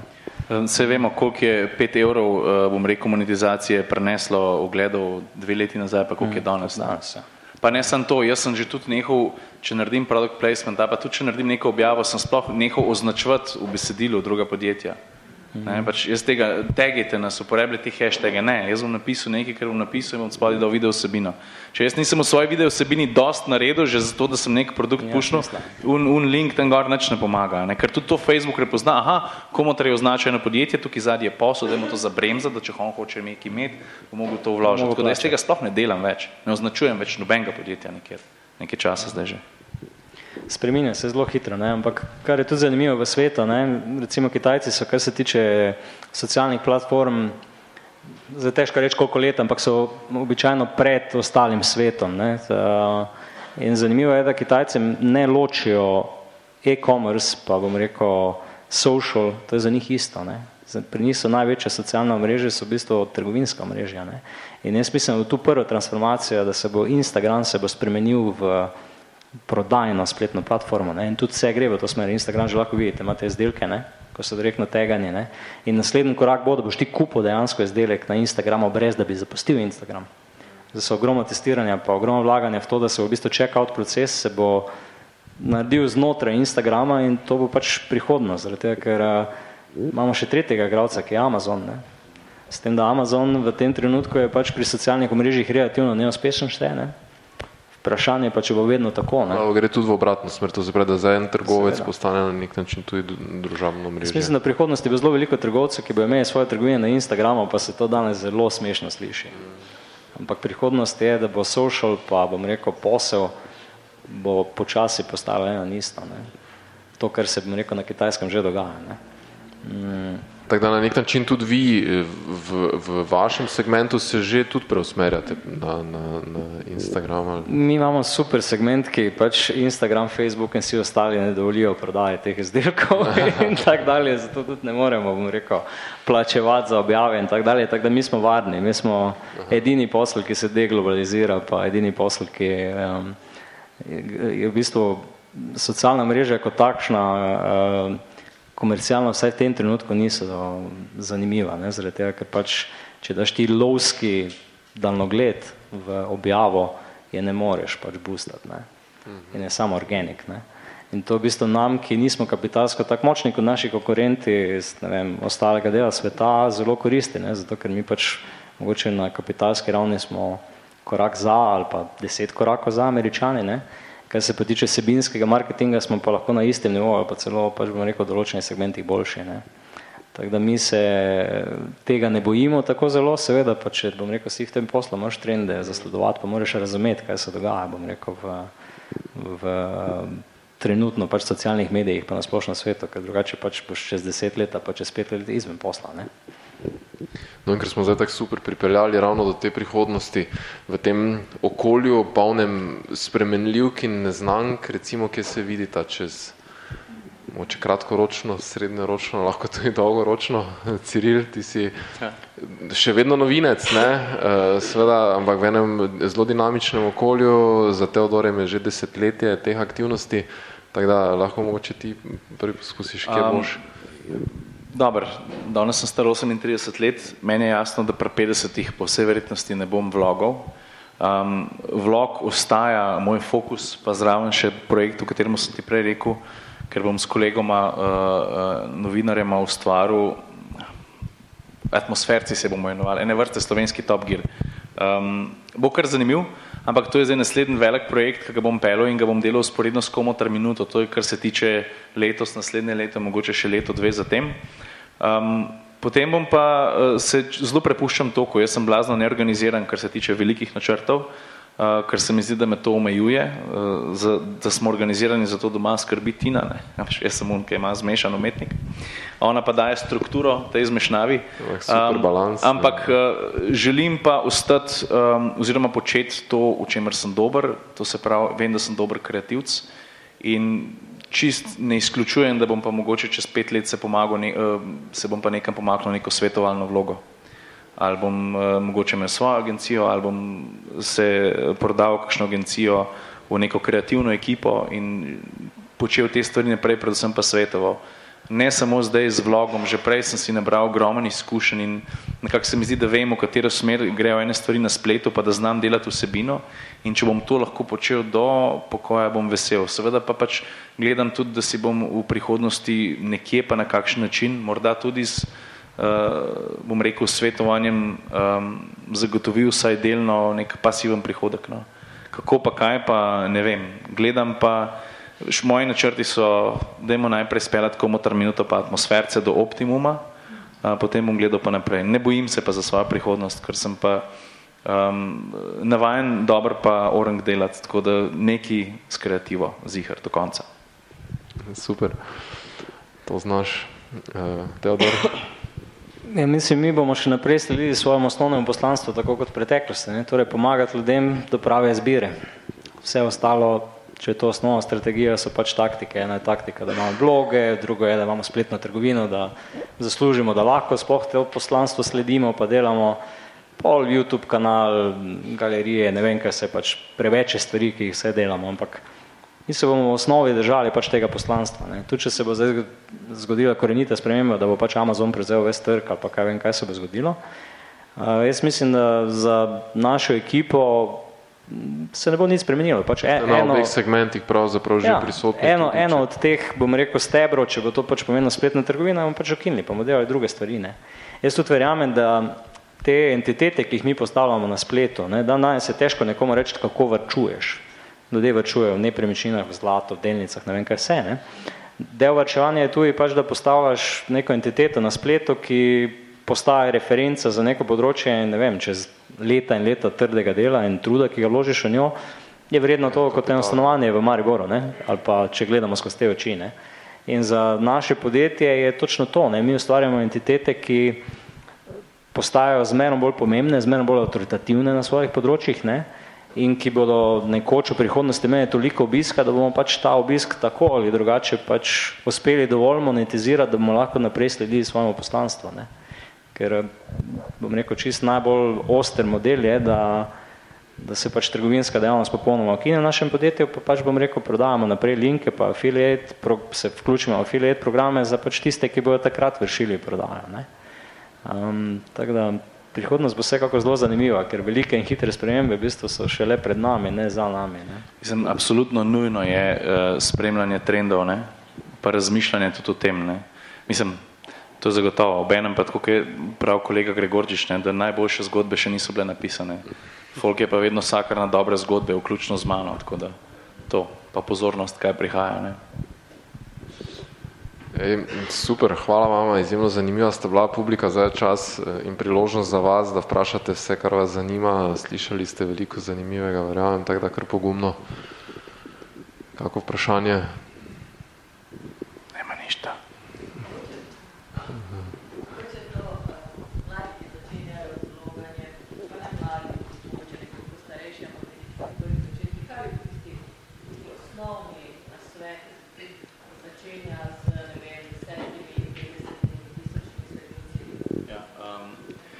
Ne delati vloga zato, da boš zaslužil pa z njim preživel.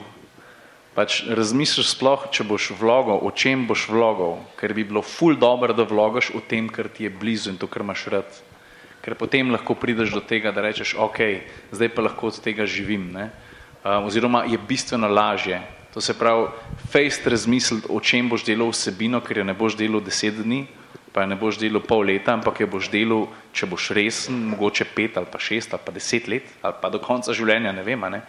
In, in takih, pač, če ti vlogaš in si vse čas, bom rekel, v središču pozornosti, na dolgi, na dolgi rok ne moreš uspeti, če, uspet, če blefiraš. Ne moreš večno blefirati, ker pač, a veš, če si vse čas, bom rekel, gledaš objektiv, energije ne moreš fejkati in je to ful, ful, ful težko. Zato, dej, ukvari se s tistim, pa to ne velja samo za vloganje. Ne? Dej, počni stvari, ki so ti blizu, poskus se, jaz vem, jaz se zavedam, da imam totalen privilegij, da vlogam v avtomobilih, ki so mi blizu, ampak sem pa zato tudi jebeno trdo delo, pa ne sem zdaj, odkar vlog delam. Jaz sem ne vem povedati, koliko sem prišel iz, ker smo imeli res hude roke, koliko sem prišel iz mednarodne poti, ker smo v 22.15 pristali na Brniku, kolegi novinari si se odpeljali domov, pa ne rečem, da ne delajo trdo, ampak jaz sem bil pa spletni medij in sem se odpeljal z Brnika v pisarno na Sijol, na Telekom, pa sem kucal članek, pa pisal pa urejo fotografije do šestih zjutraj, na kar sem si natladal kartonaste škatle in sem spal do pol osmih ali pa do sedmih in pa sem naprej delal. Vse mi ne bi bilo treba, ampak jaz sem tak, da grizem. In, in, in vem, da sem zelo, zelo trdo delal, zato da imam danes ta prestiž, da se igram s telefonom. In zato je treba gledati, da greš v tisto smer, ki ti je ljuba, če le lahko. No. Jaz mislim, da prvo vprašanje je vedno zakaj. Ko si zelo dobro znaš odgovoriti, zakaj katero koli stvar življenja delaš, potem se vse ostalo skristalizira. Tako da karkoli delaš življenje, najprej je vprašanje zakaj, pol pa vse ostalo. Ker, sam še to, a ne? Ne moreš planirati viralnega videa, pa ne moreš planirati, mislim, mogoče, lahko se, mogoče se lahko na to boljš prepravaš, potem, ko si enkrat že uveljavljen, ampak ne moreš se ti dolo sesti, da ima danes dober vlog narediti, kaj bomo naredili. Vse je full dovoli, vse imaš neke možnosti, da ti uspe, ampak če boš pa rekel, o, meni je to tok zakon, jaz bi nekaj na to temo naredil, pa izhajaš iz tukaj noter. Jaz, me, me, pa v enem se zavedam, da, da sem jaz totalni idealista, ne. Veš, uh, ampak uh, res verjamem v to, da veliko lažje uspeš, če počneš to, kar ti je blizu ali pa se s tem ukvarjaš. No, ena stvar je tudi res. Ne. En, bom rekel, pomemben človek iz zgodovine je rekel, da kvantiteta je kvaliteta sama po sebi. In karkoli pa začneš delati z kvantiteto tega, kar delaš, ustvarjaš tudi svojo kvaliteto. Ker bom rekel, dober vlog ustvarja, dober video ustvarja in tako dalje. Kako se to naredi? To se pač naredi tako, da jih prvo 50 narediš poprečnih, pa jih narediš 50 dobrih, pa pa naprej so pa vrhunski. Doskrat me ustvarja, oprosti, mhm, ustvarjalci vsebin, ki so na začetku ali pa imajo Instagram akonte z 500 ali pa 1000, eh, bom rekel, sledilci, ne, mi pišejo in to na tedenski bazi, 3, 4, 5 hej, dej sponzoriri moj, pro, pro, moj program, tale profil, kako, kako sponzoriri, dej puši me, da bomo več sledilcev. In pač moj odgovor je vedno enak, stari, dej ti dobro vsebino, najprej deli eno leto, ja. da jaz sploh vidim, da si ti resen. Pač, če sem jaz lahko delal vlog ob službi, pa familiji, pa vseh ostalih stvarih, pa si ti lahko resen eno leto, sploh če si pač nekdo, ki imaš, mogoče študiraš, pa nimaš nekih večjih obveznosti. Sedaj, tako, kot sem jaz rekel, jaz ne bi rabo, ampak sem naredil 192 vlogov zapored. 16. junija bo tretja obletnica, pa jih imam danes 683. Sprav trdo delo, pa si rekel kvantiteta tudi. Jaz se zavedam, da če bi delal vlog enkrat na teden, da mi tudi približno ne bi tako hitro uspel. Ampak mene je bilo na en način že kar težko zignorirati kaj je zdaj ta model, vsak dan neki, kaj ste vi normalni? A veš? Pa dobro, rateš, ne. Se tudi tisti, recimo blogeri, to je najbolj zanimivo, ne, obstaja več filozofij misli, kako se lotiti pravega bloga, ne, pa kako narediti iz tega zgodbo, ne. In zdaj, tisti, ki spremljate marketing, verjamem, da je kdo tukaj, ne, ki spremlja marketing, verjetno poznate, ne vem, Seta Godina, pa Nila Patela, pa uh, Simona Sineka, pa še kdo, ne. To so ljudje, ki recimo, predvsem recimo Neil Patel pa Seth Godin stojite za tem, da moraš napisati en blok na dan. Zakaj? Zato, ker če ti pišeš en blok na dan, pomeni, da tvoj stoti blok bo vrhunski, ker si toliko natreniral, isto kot tek, isto kot kolesarjenje, ne vem kaj se, da je tvoje pisanje postane toliko boljše, da pač 101. blok, pa 110. blok, pa tako dalje, bojo pač toliko boljši. In pri videu je enako, pa pri vseh bistvu sebinah. Ne? Če imaš zelo jasen zakaj, pa ni problema narediti 638 vlogov. In zagotovo je 638 narejen lažje, narejen za manj časa, zato ker je pač znanje toliko zraslo mes, pa bi upal staviti, da je boljši kot prvi. Ne? Ne? Zato ker pač mes rataš toliko dober. Na drugi strani pa to ne samo, da sebe streniraš, ampak tudi vsi okoli tebe te pač poznajo. Ne? Zato ker postaneš prepoznaven, ker pač postaneš uh, viden, ker te je težko ignorirati in tako dalje. Ampak to je možno samo, če je tvoj zakaj kristalno jasen.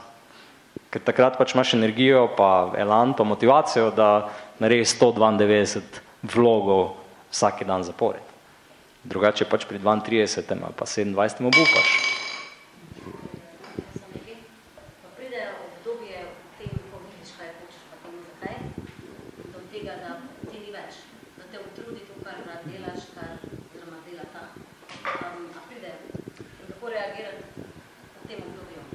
Uh, jaz postanem fizično utrujen, ampak idej mi pa pač ne zmanjka. Je pa res, da se ukvarjam z zelo hvaležnim poslom. Pač men se, ne bom rekel, da se mi vsebina sama dela, ampak rdeča nit mojega vloga so avtomobili. In jaz pač, ne vem, vozim vse čez druge avtomobile in sem na en način prisiljen delati drug, a veš, ne, Eh, prisiljen, eh, bom rekel, razmišljati vedno o drugem avtomobilu in že na ta način se mi, bom, ne bom rekel, da se avtomatsko generira vsebina, ampak to, da imam vse čas nove avtomobile, pa vse čas nove pos, eh, službene poti, pa, a veš, to ful pomaga, a ne? Ja, sam pride obdobje, ko hočeš že pauzo, pa, pa, pa... Ja, in pa si jo vzamem. Greš na dopust? Ne, ne, nikoli ne vem, kaj ne, da ne, ni, ni, tega mi ne zmanjka. Pač jaz sem, sem jaz tudi kdaj razmišljal, eko, kaj bom pa se mi zgodilo, če bom enkrat bolan. Ne? In to znotraj 192 vlogov se je enkrat zgodilo in sem naredil vlog na kavču. Ne? In je bil ful dober vlog. Se pravi, a veš, um, to se mi še ni zgodilo, se upam, da se mi še nekaj časa ne bo. Ampak pač te energije mi še ni zmanjkalo. Zato, ker se mi zdi, da... Ja, hvala. Mislim, črpam, a veš, se črpaš iz... A veš, se, se nismo... A veš, ko se rodiš, pa si pri petih letih nimaš neke osebine, s kateri bi črpal, ne? Takrat ne, poznaš sedem stvari. Jaz sem pa v svojih 40 letih že tukaj nekaj stvari doživel, že pred poklic, avtomobilskim poklicom in tako naprej in črpam iz ogromnega osebina, eh, iz ogromnega bazena enih dogodkov, situacij, anegdot in tako naprej, ki jih vržem okrog vloga. Ne. Prehaja pa tako eno za drugo. Pa če, meni, meni se zdi, da še 100 tažen for sploh izkoristil nisem. Vedno rečem, moj to moram še enkrat povedati, to moram še enkrat povedati, pa sem že toliko vlogov naredil. Ne. Ampak to je, a veš, to je zato, ker meni to res toliko fajn delati. Jaz res toliko uživam. Ne, ne, ne, ne, ne, ne, ne, ne, ne, ne, ne, ne, jaz nisem nobenemu naš dolžen. Ja, ja, ja, ja. Ja, pač, meni, se vem, da se hecam slišam, ampak jaz vsak dan, ko se spravim montirati video, čutim uno želje, o, zdaj bo noro, zdaj bom, ne, zdaj bom naredil full door vlog, ker mi je full fine, ker se rad igram, a veš, jaz v bistvu, ko delam vlog, se igram, Meni je fajn, no, smo zdaj pred 20 klipov, dajmo nekaj narediti, da bo dobro izgledal. To je fora, v tem je fora, da jaz res ful uživam, tako jaz ne, ne, ne bleferam. In ravno zato je pač rezultat tak, po mojem. No. To vprašanje je odlično, ne? samo bi ga bilo treba okolo obrniti. Če rečemo publiki si, uh, kdo je v tem trenutku v službi, ki mu je tak, tak, lahko roko dvigne? A imate vsi vrhunske službe najboljše na svetu? Ok, eden, samo, wow, to je, Ja, to, to je to je zakon. Ok, v redu, jaz sem mislil, da se je vse spremenilo zakon. Čestitam. No, ampak za vaju dva, ko ste v službi, ki je tak, tak, ne? Uh, kako dolgo ste že v službi? Verjetno nekaj časa, no, večina jih je nekaj časa. Ne? In tisti ljudje tudi ne rečejo, joj, vsega imam dovolj, zdaj pa obupal, pa pustim se. Običajno ne. Po pa prije vprašanje na ljudi, bom rekel, mislim, da smo oba velika srečneža, jaz upam, da tudi ekipa okoli mene, ki pa delamo stvari, ki so fajn, pa ki je sanska služba. Mislim, meni osebno je moja služba sanska. Kako bi pol jaz obupal, če pol drugega sveta ne obupa, ko, ko ima vse preko sansko službo? Kak, kak bi ti obupal, če, če je okoli nas, bom rekel, Sloveniji, pa da ne pretiravam, sto tisoč ljudi, ki hojijo službe, ki pa so tak, tak, pa ne obupajo. Greš na dopust, kot je pač joj, rabim pauza, greš na dopust, pa priješ nazaj, pa komaj čakaš, da priješ nazaj, ne?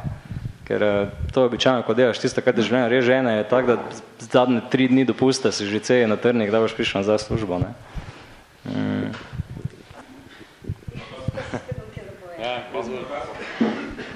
Vse se ne bi prav, da je to kaj govoriti, ampak eh, vsak ne zna vlogati, ne. Eh, Vsak tudi nima pestrega življenja, da lahko vsak dan vlogo pa nekaj pametnega nam pove. Recimo, jaz spremljam ogromno blogerjev, ogromno teh Insta, influencer, kakor že so.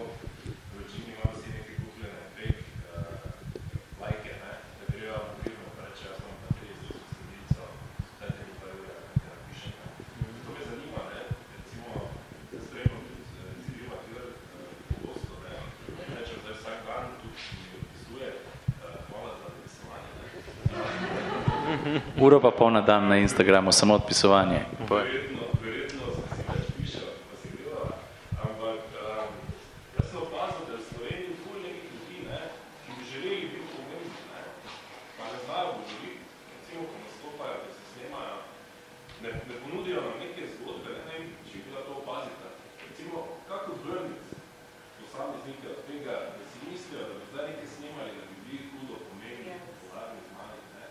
Uh, to, to recimo meni zanimivo, ne. ker ko vidim, ne vem, se snemajo na nekih destinacijah, ki v resnici tudi ne pripeljajo Instagram kam, recimo neki donatorji, stari,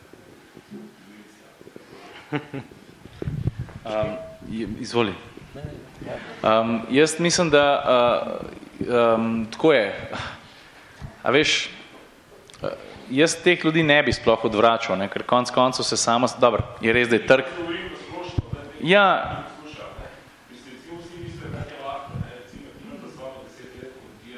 ja, ja. Ne. Ne, to je full hard work. Um, uh, veš kaj, sej, veš kaj, veš kaj imam, jaz imam eno dobro idejo, se verjetno nisem ta prva, ne, ampak jaz sem- mislim, da bi zdaj nekdo zelo na hiter, zelo uspel, nekdo, ki ima neko znanje, ki ga imam recimo jaz, um, če bi naredil eno tako šolo ali pa neko firmo, ki bi influencerje ali pa tisti, ki si to želijo biti, učil, kako sploh delati. Ker jaz vidim, da zdaj, že sam zaradi komotar minute se je pojavil, ne vem koliko enih vlogerjev, pa enih ljudi, ki ustvarjajo vsebino, ne, pa ponovadi začnejo, pa pol hitro nehajo, ker vidijo, koliko je ura, ne, ker to je res hard work. Um, uh, rabimo nekoga, ki bi ti ljudi izobrazil, ker ne znajo nastopati, ne znajo podajati vsebine. Zato pa pravim, sem na začetku rekel, jaz tudi približno ne bi mogel delati tega vloga tako uspešno, če ne bi vedel, kako dobro članka napisati. Se veš, um, Mitja, kako je, kad ti članek pišeš, je najlažje na dolgo napisati. Ne? Najlažje je bilo meni bilo 15 minutni vlog posnet, ali pa 20 minutni, pa kdo bi to gledal? Ni tako je ništa. In to je, to je pač ta problem, ko vidim, ko se ljudje postavijo pred kamero in hočejo in jih nese in, in probajo in to, ampak se v zid zaletavajo. Ne? Ampak pač, a veš, eni pa prodrejo, ne? mogoče dober primer, ne? Um, jaz ne vem, koliko vas spremlja, no? ampak dejstvo je, da je zelo uspešen, uh, cool fotor, Jani Jugovič, ali kako, ne? On je začel delati vlog, zato ker je gledal komotar minuto in ker njemu pa tej, mislim, da ni takrat najbolj šlo z, z njunim produktom, Um, in je rekel, jaz bi pa zdaj to tudi, ne? ampak on je živ primer nekoga, ki nima nobenih izkušenj in je ustrajal in je danes zelo uspešen zaradi tega. Ne? Ampak on je res, jaz ne vem, s kje je on to energijo vlekel, on je mene klical vedno za nasvete, jaz sem mu ful pomagal in sem mu dal ogromnih enih svetov in sem čakal, ok, stari, koliko bo zdržal, ajde, da te vidim. Ne, ker je vedno tako, ajde, da te vidim, 20 vlogov, 30 vlogov in danes je na vlogu 200 pa nekaj. Ne. Um, to se pravi, za začetek, če imaš velike energije, imaš neki možnosti za uspeh, ampak enih stvari se pa ne da naučiti. Občutka za vsebino pa je tako, ne, veš. Jaz imam tu drugačen pogled na to, ne. Um, pač bom rekel, zelo lepo je, če se vsi iščemo. Jaz mislim, da je to zelo pomembno življenje, da vsak od nas išče tisto, kar ga veseli in ne veseli vseh ljudi, jih ne veselijo področje, ki so pač zanimiva, lepa, ne vem kaj vse, pa jih vseeno mogoče osrečujejo. Ne? Nekdo je pač, ne vem, bom rekel, polaga keramiko, ne? pa, pa ga to osrečuje, pa je dober, pa lahko svoje neke umetnostni čut tam razvija, pa ne bo nikoli mogel biti vloger ampak se bo tam najdel. Tako da jaz prvo kot prvo mislim, da ni naloga vseh, da, da postanejo vlogeri pa blogeri pa tako dalje.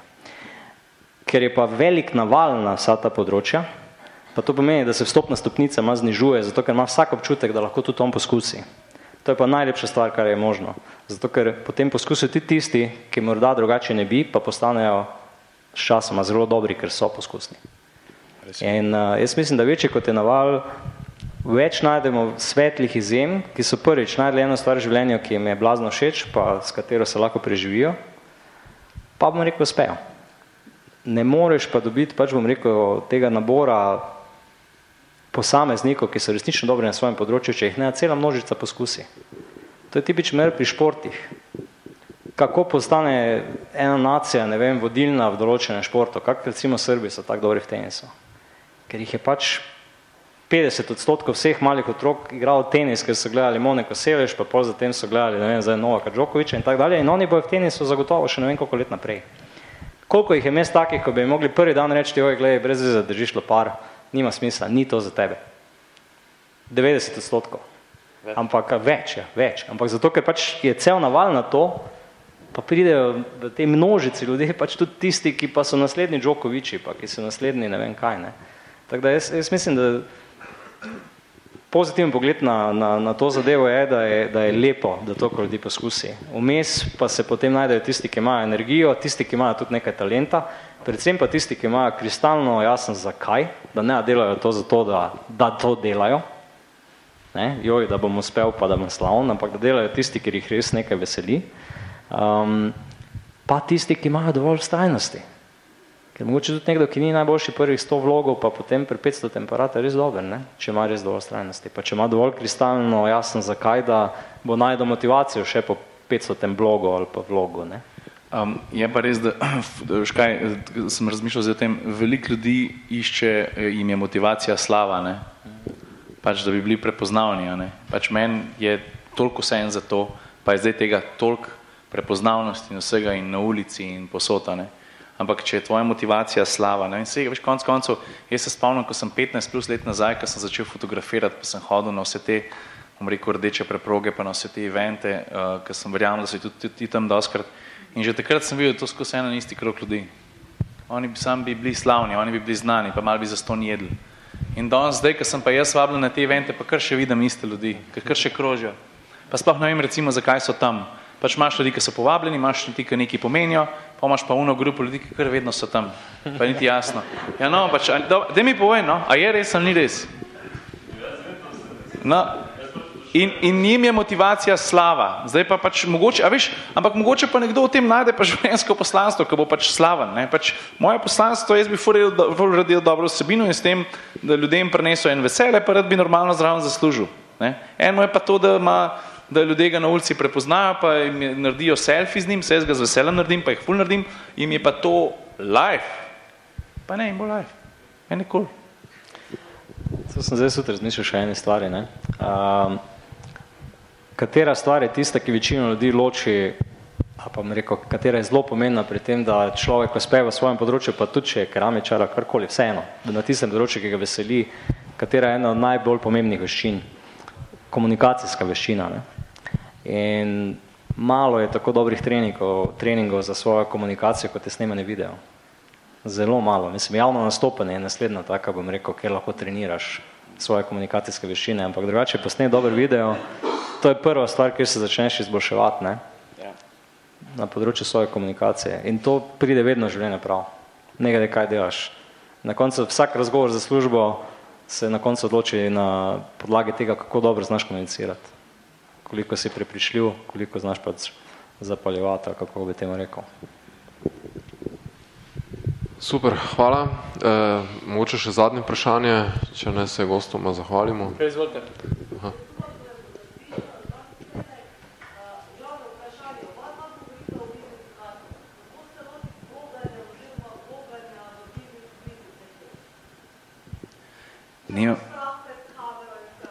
Um, ja, za začetek moraš stopiti pred kamero in kar govoriti. Sploh nima veze kaj. Ker vem, da je to grozno. Sej, veš, meni je še zdaj mal nelagodno, recimo zdaj hecen, um, jaz sem zdaj tri leta praktično skozi gledal sam nekje ponovati v svoj telefon, ne? pa sem se že mal navadil. Ne? Zdaj sem pa par dni nazaj, smo pa začeli snemati te atmosferce, pa sem po treh letih spet stopil pred kamero pa ne tako, da so bila samo jaz pa kamera, ampak je bila cela ekipa zraven, pa je bil režiser, pa je bil producent, pa je bil snemalc, pa je bil lučkar, pa je bil tonski mojster, pa je bil pomočnik. Kar naenkrat sem bil spet tam in jaz, ker sem toliko zverziran, pa ker sem toliko tega imel, je težko biti kar naenkrat spet suveren. Sploh zato, ker gledaš v mrtvo reč. Zato je ful to težko. Ampak to je pa tako, kot z učenjem tujega jezika. Ne? Dokler ti ne začneš blebetati, pa delati neumnosti, pač ni šans, da se dvigneš in postaneš boljši. Zato to, in to, pomen, to ne pomeni začeti se snemati, to pomeni doma stopiti pred špegu, pa začneš govoriti. Pa pa si doma spet mogoče znotraj cone obdobja pržgi telefon. Ne? Pa si daj kamera, da boš sebe videl, pa povej pet kul cool stavkov, da ne boš zlijel kot absolutni debil. Ne, dej probi, ne? In mislim, se jaz, pa se jaz vem, jaz tako zelo preprosto govorim, nimam velikih besed, ampak hočem reči, to je najtežji narediti. Ker najtežje je sebe gledati, pa še hujše pa sebe gledati, ko stisneš play, Isuse Bože. A tako sem slišal takaj. Ker eni sploh niso na to navajani, a ne? Tako. Če še lahko jaz minuto na to namenim. Um, prva stvar, kar je, jaz mislim, da business to business ni tako zelo velike razlike proti business to customer. Sploh na tem področju, pač marketinškem, preden se začne sam poslovni odnos. Ne? Tako da tu jaz mislim, da ni zdaj tako face drugače, če, če delaš za business to business, kot to, če delaš business to customer. Druga stvar, kar je, um, kratki stavki, jedenati stavki, pa pač začeti je treba, pa poskušati. Nam je recimo največji privilegij dan danes, da imamo sigurno, bom rekel, v širšem področju ni konkurenta, ko ne nas kliče za nasvet, za potem, da ga preda naprej svojim strankam. In to je po svoje najlepša potrditev, ampak govori o tem tudi, da se vrne na začetek, da business to customer je zelo podobno kot business to business. Ni velikih razlik, enako se lotevaš, ker so tudi na drugi strani, ko imaš pač nabavnika, nabavnega referenta na mesto končne stranke, on je tudi človek, na njega čisto iste, pač bom rekel, stvari vplivajo, pa isti prijemi delujejo, kot pa če imaš tam končno stranko. Uh, pa še ena stvar, jaz sem posnel 683 vlogov, pa bi morali videti, kako zgleda, ker jaz snemam vlog sam pač kratki jedrnati stavki, ja, ampak jaz se še vedno ful motam, jaz še vedno ful ponavljam, jaz meni ne uspe vse v prvo. Mislim, prosim, lepo ti bom, stop pol do mene, ko bomo zaključili, pa ti bom pokazal, zdaj montiram vlog v audio A6, pa boš, boš videla, kaj so to blooperji. Pričam gluposti, eno minuto, dokler ne se stavim skupaj. Ne? Jaz, jaz ne povem vse to, kar povem v prvo.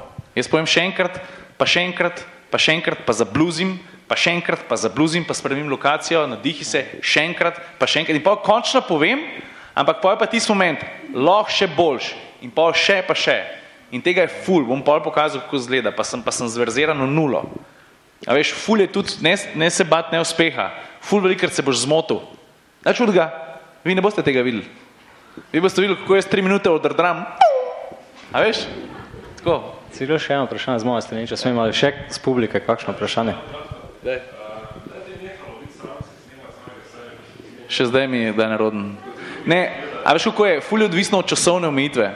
Če imam jaz ful časa, pa kdo vidi, pa se že, ah, fuck, daj pet, no, pa pa če imamo čakam, pa še, še zdaj mi je naroden. Če pa jaz nimam časa, pa rečem stari, čez deset minut moram te malo v vrcu pobrati, tam je pa sto ljudi, ko je, in začnem govoriti. To te pol presil, take okoliščine, ne, ampak še zdaj je včasih malo naroden, ne. Je pa spet odvisno, ne? če so neki mladi, ne, pa te poznajo, rečeš, ok, oni so prišli po to izkušnjo ne? in vejo, kaj bom zdaj počel, pa mi je pol vse eno. A veš, tudi če se zmotim, pa se vsi malo smejimo, ker tega je ful. Če pa nekdo, ki je tako malo, veš, ki veš, da se mu ne sanja, pa je pa kar mal težji še vedno. Ne vem.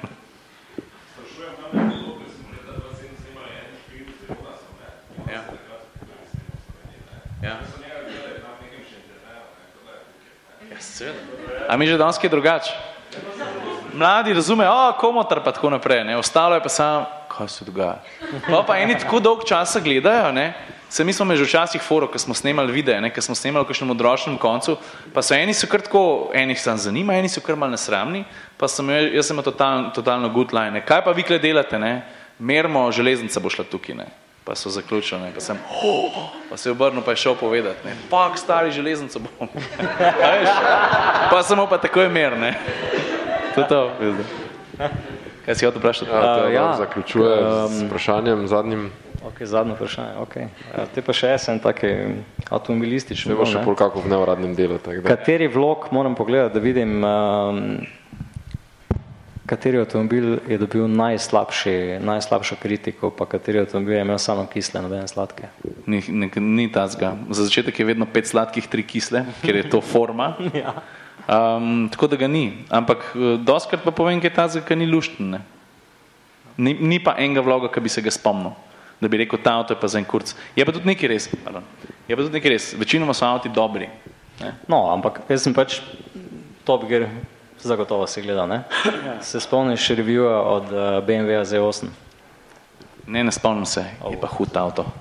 Ja, no. Kaj pa je bilo? A je bilo so, so, okay, super. Poglej, no, ker sem, sem pač razmišljal, če najdem kakšen takšen review od komentar minute, ne, da pač... Ne, ne, ne, ne. Mislim, najdeš review, kjer absolutno skritiziram avto, um, pa imam pol tih tudi slišim, ne, recimo Audi A8 sem ga testiral lani poleti, pa ni imel kamere za vzvratno vožnjo, ne, pa je avto 160 tisoč evrov vreden, ne. Mislim, valjda sem jih pol tudi z Audija slišal, ne, um, ampak pač mi je kar dosto vsejen za to. Ker sem drugače avto ful pohvalil, sem se rekel, da pa avto za 160 evrov nima nekaj, ker ima ta Hyundai, s katerim sem se danes pripeljal, pa je pol krajši, pa je solid.